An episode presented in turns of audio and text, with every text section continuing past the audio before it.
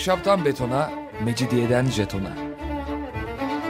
Alameti kerametinden menkul kent hikayeleri.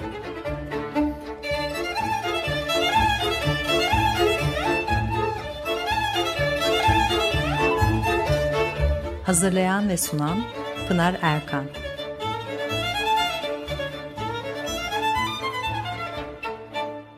Efendim merhabalar. Bir haftalık aradan sonra yine birlikteyiz. 94.9 frekanslı açık radyoda. Ahşaptan betona, mecidiyeden jetona tam şu anda başlamış bulunmakta. Anlatıcınız ben Pınar Erkan. Elektronik posta adresim pinarerkan.yahoo.co.uk Bakalım bugün programımızda ne var? Galatasaray Lisesi'nin nasıl kurulduğunu anlatmıştım size bir programda. Galatasaray Lisesi'ni anlatmayacağım. Daha çok um, Bulgar çocuklarının e, okullarda ne tür eğitim aldığı ile ilgili biraz e, bilgiler aktarmak istiyorum bugün size. Galatasaray Lisesi'nden e, 1898 yılında mezun olan Bulgar aydını ve siyaset adamı Simeon Radev lisede geçirdiği yılları anlattığı bir anı kitabı yazıyor. Burada e, Bulgaristan emaretinin kurulduğu 1878'den önce yaşamış olan Bulgar aydınlarının birçoğunun İstanbul'daki okullardan e, mezun olduğunu söyler. Muhtemelen e, sonraki dönemlerde mezun olanların arasında da yine e, Bulgar milleti için önemli isimler vardı. İstanbul Bulgarları arasındaki varlıklı tüccarlar başta Balkapanı ve Çorapçıhan olmak üzere İstanbul hanlarında kalıyorlar. Bulgarlar arasında bahçıvan da çok. Birçok Bulgar bahçıvan e, Boğaziçi kıyılarındaki bahçeleri işleyip İstanbul pazarlarında sebze satıyorlar. E, Radev'in iki dedesi de İstanbul'da bahçıvanlıkla e, geçimlerini sağlamışlar. Hatta bir miktar varlıklı da olmuşlar. Bulgar milleti 19. yüzyıla gelene kadar Rum patrikhanesine bağlıydı. Bu nedenle başta Fener olmak üzere İstanbul'un Ortodoks halkının yaşadığı semtlerde birçok Bulgar din adamı da bulunuyordu.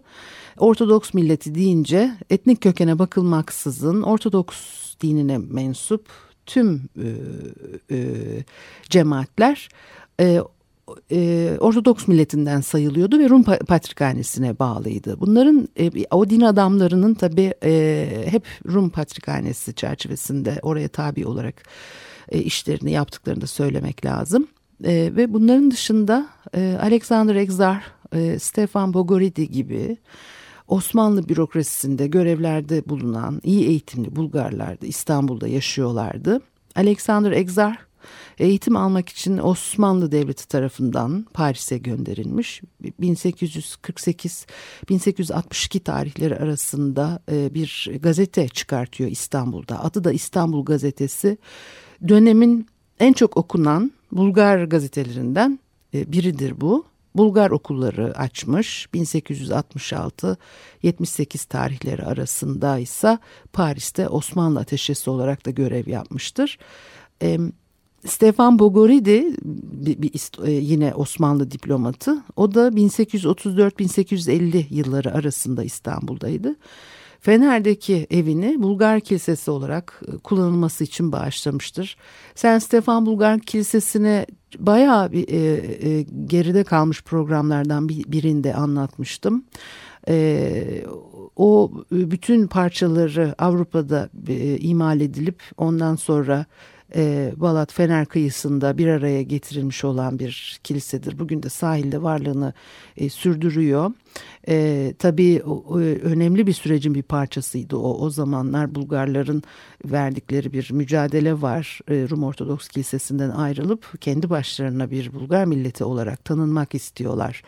E, Osmanlı Devleti nezdinde ve kendi kiliselerini kurmak, kendi lisanlarında ibadet etmek istiyorlar. E, bu e, 19. yüzyılda farklı milletler e, e, uluslaşma süreci içerisinde bir takım e, sıkıntılar yaşamaya başlıyorlar. Öyle yansıyor çünkü Herkes kendi net kimliğini ortaya koymak istiyor ve öyle de devlet nezdinde tanınmak istiyor.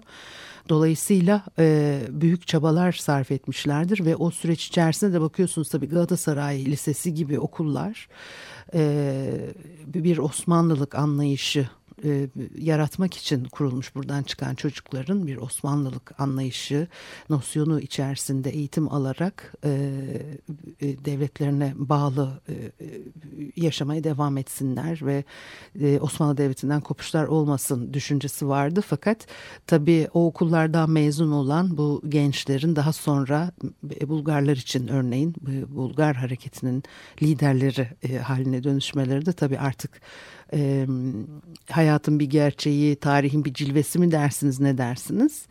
E, 19. yüzyılda Bulgar milletinin e, işte öyle Rum patrikhanesinden bağımsız bir millet statüsünü kazanmak için başlattığı siyasi bir mücadele başında İstanbul Bulgarları var. 27 Şubat 1870 tarihinde sultanın verdiği ferman üzerine e, Bulgar e, egzerhanesi kuruluyor ve İstanbul'daki Bulgar cemaati için çok önemli bir gelişme bu. Hemen arkasından da eğitim faaliyetleri üzerinde durmuşlardır. Çünkü e, nitelikli insan yetiştirmek herkes için gerekliydi. Böyle yeni bir e, devlet kurmaya çalışıyorsanız ki sonradan tabii bir Bulgaristan ortaya çıkıyor. Yetişmiş insan lazım buralarda. İstanbul'da Bulgar okulları açmışlardır. Sadece o değil, misyonerler çok iyi eğitim veriyorlardı. İstanbul'da bu hizmetleriyle tutundular. Bulgar çocuklarının iyi eğitim alması için bu okullara devam etmeleri teşvik edilmiştir. Zengin tüccarlar ya da egzerhane tarafından verilen burslarla çünkü bir kere e, devlet nezdinde Ortodoks milletinden ayrı bir millet olarak tanındıktan sonra e, güçlü bir birlik sağlayabilmek için iyi eğitimli olmak gerekliydi. E, o dönemde bölgede iyi eğitim ancak İstanbul'da alınabiliyor. Osmanlı idaresi altında bulundukları yıllarda Bulgarlarda yüksek seviyeli okullar eksikti. Varlıklı Bulgarlar çocuklarını yabancı okullara gönderiyorlardı. 19. yüzyılın ortalarına kadar çocuk ve gençler genelde İstanbul'daki Rum okullarında. Ee, bunlar da Kuruçeşme Fener Rum Erkek Lisesi ve e, Heybeliada'daki Rum Ruhban Ticaret Okulları. Daha az sayıda ise Atina'da, Bükreş'te, e, Batı Orta Avrupa'da eğitim alıyorlar. 1850'lere gelindiğinde İstanbul'da Osmanlı hükümeti tarafından kurulan veya yabancılar tarafından açılan okullara karşı e, ilgi giderek artmıştır. Bunda gayrimüslimlere birçok hak tanıyan 1856 tarihli İslahat Fermanı etkilidir. Gayrimüslimlerin ta, tabii devlet okullarında okuyabilmeleri, devlet memuru olarak çalışabilmeleri e, daha mümkün oldu. E, bütün teba arasında böyle bir e, çabaya e, gidildi. Yani çocuklarını göndermek istemeyen mesela Yahudiler direnmiştir. E, özellikle Galatasaray Lisesi'ne de çocuklarını göndermek istemiyorlar e, ve orada bir zorunluluk ortaya konuyor. Bütün e, gayrimüslim cemaatlere ayrı ayrı kontenjanlar tanınmış ve o kontenjanlar mümkün olduğu kadar doldurulmasını e, isteniyor e, devlet yönetimi tarafından. Yahudiler de tabii e, bizim e, kendi dini ritüellerimiz var işte e, sütlüyü etliyi birbirine karıştırmamamız lazım o yiyeceklerimizi birbirine karıştırmamamız lazım. Konularda çok titizleniyorlar dinden e, çıkılır. Hele zaten bir de Fransızca eğitim alınıyor olması da ciddi bir sorun. O, dön o dönemde hep e, İsrail okulunun reddedilmesi orada yaşanan sıkıntılar. Onlara ayrı bir aşçı e, atanarak bu işin hani e, bu tarafının çözüldüğünü daha önce herhalde Galatasaray Lisesi'nde anlattım programda konuşmuşuzdur. E, dolayısıyla e, bir arada okuyor farklı milletlerden e, çocuklar bu tarihlerden itibaren Osmanlı toprakları üzerinde İstanbul başkentinde bu çok önemli bir şey. Pek Avrupa'da falan da görünen bir şey değil bu çünkü. Ee, İstanbul'un e, Fener, e, Aynalı Çeşme, Langa, e, Topkapı, Ortaköy, Kumkapı, Beyoğlu semtlerinde ilk ve orta seviyede Bulgar okulları mevcuttu. 1894 yılında e, Hürriyet Tepesi'nde Bulgar Ruhban Okulu açıldı. 93 Harbi öncesi Galatasaray Lisesi'nde 93, Robert Kolej'de 82. E, aslında 146 deniyor e, kaynakta. E, yani o fark nereden çıkıyor e, onu çok iyi bilemiyorum. Bebek Fransız Katolik Lisesi'nde 49 Bulgar okumuş. Hekim olmak isteyenler Mektebi Tıbbiye Şahane'ye gidiyorlar ve 1878 yılına kadar burada eğitim gören Bulgarların sayısı 139 olarak veriliyor. 93 Harbi sonunda Bulgaristan emareti kurulmuştur fakat Bulgarlar yabancı liselere gitmeye devam ediyorlar. Ee, Bulgaristan'da 1880'li yıllarda büyük sayıda liselerin e, açılmasına kadar az çok devam ediyor bu durum. Bundan sonra da birçok Bulgar özellikle İstanbul'da okumayı tercih etmiştir. Bulgarların 93 Harbi'nden sonra da İstanbul'un önünde e, İstanbul'un önünde değil İstanbul'da önde gelen okullarda okumaya özen göstermiş oldukları uygulamada bağımsız bir devlet haline gelen Bulgaristan'da iyi eğitim almış uzmanlara ve devlet adamlarına ihtiyaç duyulmasından kaynaklanıyordu. Rahat ediyorlar İstanbul'da o da anlaşılıyor yani. E, Bulgar vatandaşı olan Türkler de çocuklarını mesleki eğitim için İstanbul'daki okullara gönderiyorlardı. Mektebi Tıbbiye Şahane 1827 yılında kuruldu. Fransızca eğitim veriyordu. 1856 tarihli ıslahat fermanından önce de burada gayrimüslimler okumuşlardır. Örneğin 1846 e, yılında 17 Müslüman, 12 Rum, 3 Ermeni öğrenci ödüllü olarak mezun oluyor. 1808 ile 1878-79 yılları arasında toplam 363 Bulgar tıp okumuş ve bunlardan 211 kişi mezun olmuş. Mezun olanlardan 71'i yani bu yüzdeyi 32'ye tekabül eder. Mektebi Tıbbiye Şahane'yi bitirmiş. Büyük rakamlar bunlar. 1858 yılında sultan tarafından yine bir irade e, veriliyor. Mektebi Tıbbiye Şahane'de e, Bulgarlara özel kontenjan ayrılıyor. 1858'de ee, 15 kişi Bulgar milleti olarak okula kaydedilmiş ve bunların e, okul masrafları Osmanlı Devleti tarafından karşılanmış. Aynı şekilde 1867 yılı başlarında verilen başka bir iradeyle 40 kişilik bir aday grubundan 20 Bulgar öğrenci okula alınıyor. E, Mektebi Tıbbiye Şahane'nin e, Bulgar mezunları genelde İstanbul'da veya Osmanlı ordusunda hekim olarak çalışmışlardır. Bunların arasında Hristo Stambolski yani İstanbullu Hristo e, bu okulda 1869 yılından sonra hoca olarak ünlenmiştir. Anatomi hocası ilk defa anatomi terimlerini Fransızcadan Türkçe'ye çevirmiştir. Okuldan mezun olan bazı Bulgarlarsa Bulgaristan'da hekim olarak çalışmaya gidiyorlar. 93 Harbi sonucunda e, e, bağımsız bir ülke haline gelmiştir artık burası. Kuruçeşme'deki Rum Erkek Lisesi'nin yetiştirdiği öğrenciler arasından Bulgar eğitimci, gazeteci, edebiyatçı, siyasetçiler çıkmıştır. 1878 yılına kadar isimleri tespit edilebilen 40'tan fazla Bulgar bu okulda eğitim görüyor. 1878'den sonra ise 1860'lı yıllarda meydana gelen yangından dolayı Fener'e taşınan okulda kayıtlı olan Bulgarların memleketi genelde Osmanlı idaresi altında kalan Makedonya'ydı. Burada okumuş Bulgarların bazıları daha sonraları yine devlet ve din adamı olmuşlardır. İstanbul'daki Katolik okullarından mezun olmuş Bulgar egzarhlarıyla da karşılaşmak mümkün. Bir ara verelim ondan sonra e, devam edelim.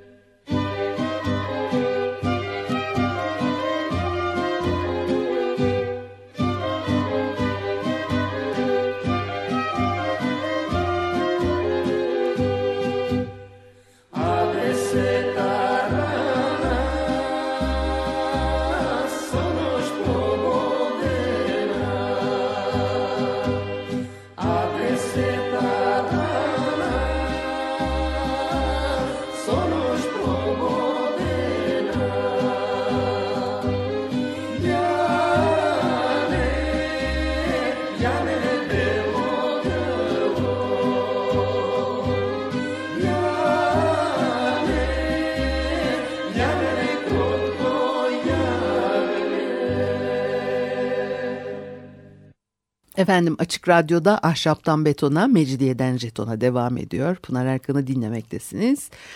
İstanbul'daki okullardan mezun olan Bulgar çocukları ve onlar nasıl meslekler sahip olmuşlar e, onları konuşuyorduk. Bir de böyle çok bir şeyler anlatacağım falan diye bir e, hızlı hızlı e, yetiştireyim her şeyi hiçbir şey eksik bırakmayayım diye e, biraz acele ettim. Şimdi okullarda İstanbul'da e, çocuklar yetişiyor tabii e, e, yabancı okullarda iyi eğitim veriliyor bu çok etkili e, ve e, İstanbul'daki mesela Katolik misyoner okullarından eğitim almış e, çocukların bazılarının sonradan e, devlet ve din adamı olduklarını söylemiştim. Tabii o ilginç Katolik okullarından mezun oldukları için. Ee, ve Bulgar egzarhları bile var bunların arasında. Birinci Yosif 1862-63 ders yılında Fransız Katolik Lisesi'nde okumuş. Bebek'te okul. Ee, Kırım Savaşı öncesinde Fransız Lazaret rahipleri tarafından e, daha çok yine dini nitelikli bir okul olarak kuruluyor ve okulun Katolik olması e, Bulgar halkı tarafından çok hoş karşılanmıyor çünkü Bulgarlar Ortodoks. Buna karşın bu okulda 1850'li 60'lı yıllarda okumuş ve isimleri tespit edilen Bulgar öğrencilerin sayısı 40 civarında. Çünkü varlıklı olan Bulgarlar o dönemde revaçta olan Fransızcayı iyi öğrensin istiyorlar çocuklarının ve onun için de bu okullara gönderiyorlar. Zaten bu eğilim çok. Tabii e, Fransızca öğrenmek giderek, Fransızca konuşmak giderek önemli bir e, vasıf haline geliyor. E, İmparatoriçe Eugénie'nin İstanbul'u ziyaretleri de bunlarda çok etkili. E, Abdülaziz e, Fransa'ya gitmiş oraları ziyaret etmiş falan yani ve atmosfer olarak e, hem İstanbul'da hem Osmanlı'da da değişimler var. Yani padişahın savaş dışı sebeplerle Avrupa'ya gitmesi oradan buraya böyle misafirlerin gelmesi karşılanması falan dolayısıyla bir değişim dönüşüm e, söz konusu. Daha sonraları Bulgarlar artık Fransızca eğitimi alması için 1868 yılında kurulan Galatasaray Lisesi'ni öyle işte tercih etmeye başlıyorlar devlet okulu olduğu için ve Osmanlı e, İstanbul'unda okumuş olan Bulgarların büyük kısmı 1868 yılında Osmanlı Devleti tarafından kurulan Galatasaray Lisesi'nde eğitim alıyorlar. Bulgar öğrencilerin e, tümünün sayısı isimleri bilinemiyor. Ama mükafat ve mezuniyet listeleri dahil değişik kaynaklardan edinilen e, bilgilere göre bu lisede en az 184 Bulgar genci okumuş. Bunların yarısı 1868-78 yılları arasındaki o 10 yıllık dönemde burada eğitim görmüş. 68-69 69-70 ders yıllarına ait en erken kaynaklara göre de burada okuyan Bulgarlar en başarılı öğrencilerin arasında yer alıyorlar. 1878 yılında e, Bulgaristan emareti kurulunca Galatasaray Lisesi'nde okuyan öğrenci sayısı, Bulgar öğrenci sayısında düş, düşüş yaşanıyor. E, Simon Radev 1893-94 e, ders yılında okula girdiğinde sadece 3 Bulgar öğrencinin bulunduğunu e, yazar. Yani öyle büyük bir fark var arada. Ve kendisi dahil 1890'lı yılların ortalarında lisede okuyan birkaç Bulgar'ın memleketi e, e, hala e, Osmanlı idaresinde bulunan Makedonya. E, ve Radev'e göre Makedonyalı Bulgarların Galatasaray Lisesi'ne girmesi Bulgar egzarhanesinin bir girişimi. Çünkü iyi eğitim görmüş ve yine Fransızcaya vakıf olan kadro isteniyor. Sonra 1900'lü 1910'lu yıllarda Bulgarların sayısında bir artış e, gözlenmiştir. 1800 e, 1908-1909 öğrenim yılında burada ücretsiz olarak okuyan 120 Müslüman, 41 Rum, 56 Bulgar ve 10 Ermeni öğrenci var. Galatasaray Lisesi. 1913 senesinde Bulgar Dışişleri e, Diyanet Bakanlığı'ndan İstanbul Bulgar Elçiliğine bir mektup e, gönderilmiş. E, bu mektupta önceden Galatasaray Lisesi'nde öğrenci olan 17 Bulgar öğrencinin 1913-14 öğrenim yılındaki eğitimini Filibe'de Fransız Koleji'nde e, devam ettiklerini öğreniyoruz. E, mektupta bu öğrencilerin Galatasaray Lisesi'nden eğitim durumları hakkında belge temin edilmesi isteniyor. Yani bu çocuklar gelmişler e, Filibe'ye bir Fransız okuluna ama daha önce Galatasaray Lisesi'nde okuyorlar. Diyorlar ki durumları neydi lütfen bize bilgi verin. Öğrencilerden birinin babası avukat ve Bulgar devlet makamlarına mektup yazmış. E, çocuklar 1911 yılının ilk baharında Galatasaray Lisesi'ne atılmışlar. Okul müdürü 16 Şubat 1911 tarihinde Marif Nezaretine bir mektup gönderiyor. Şöyle diyor mektup.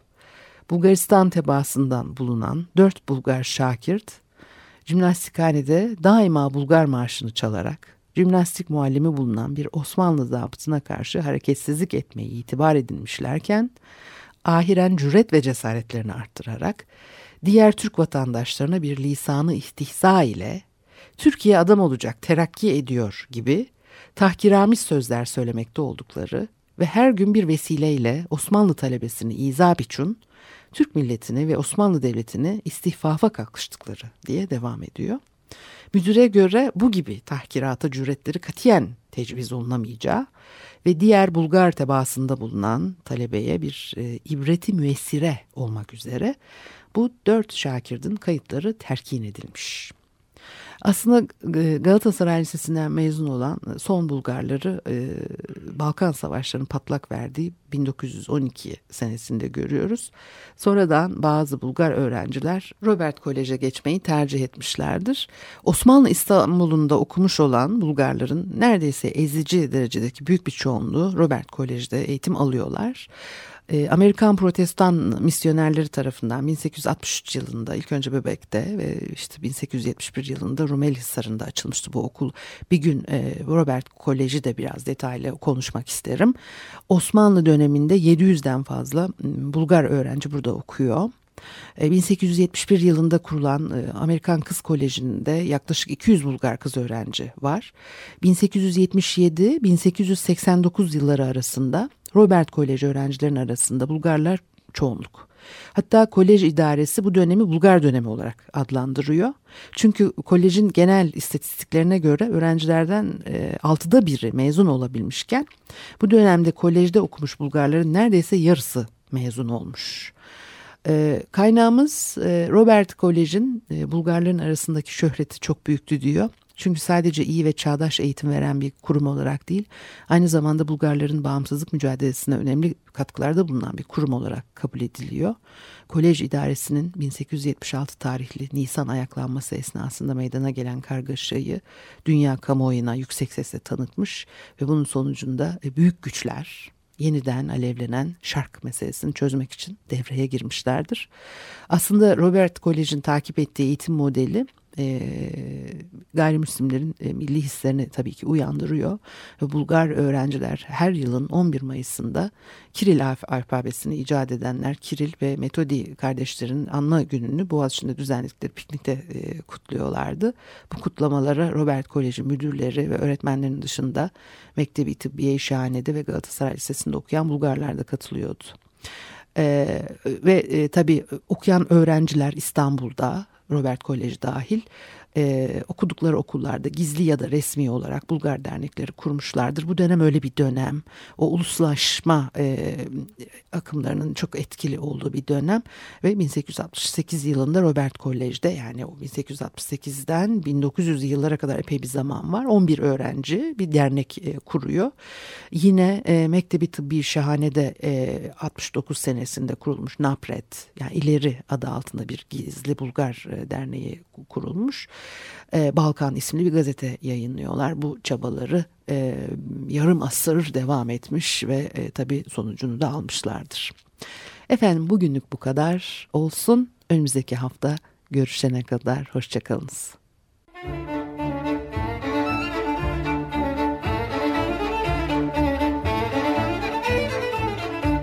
Ahşaptan betona, mecidiyeden jetona alameti kerametinden menkul kent hikayeleri.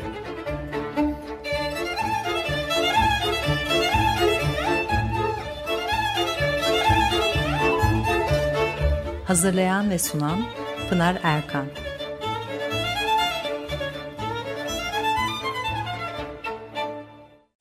Açık Radyo program destekçisi olun veya daha fazla programa destek olmak için 212 alan koduyla 343 41 41.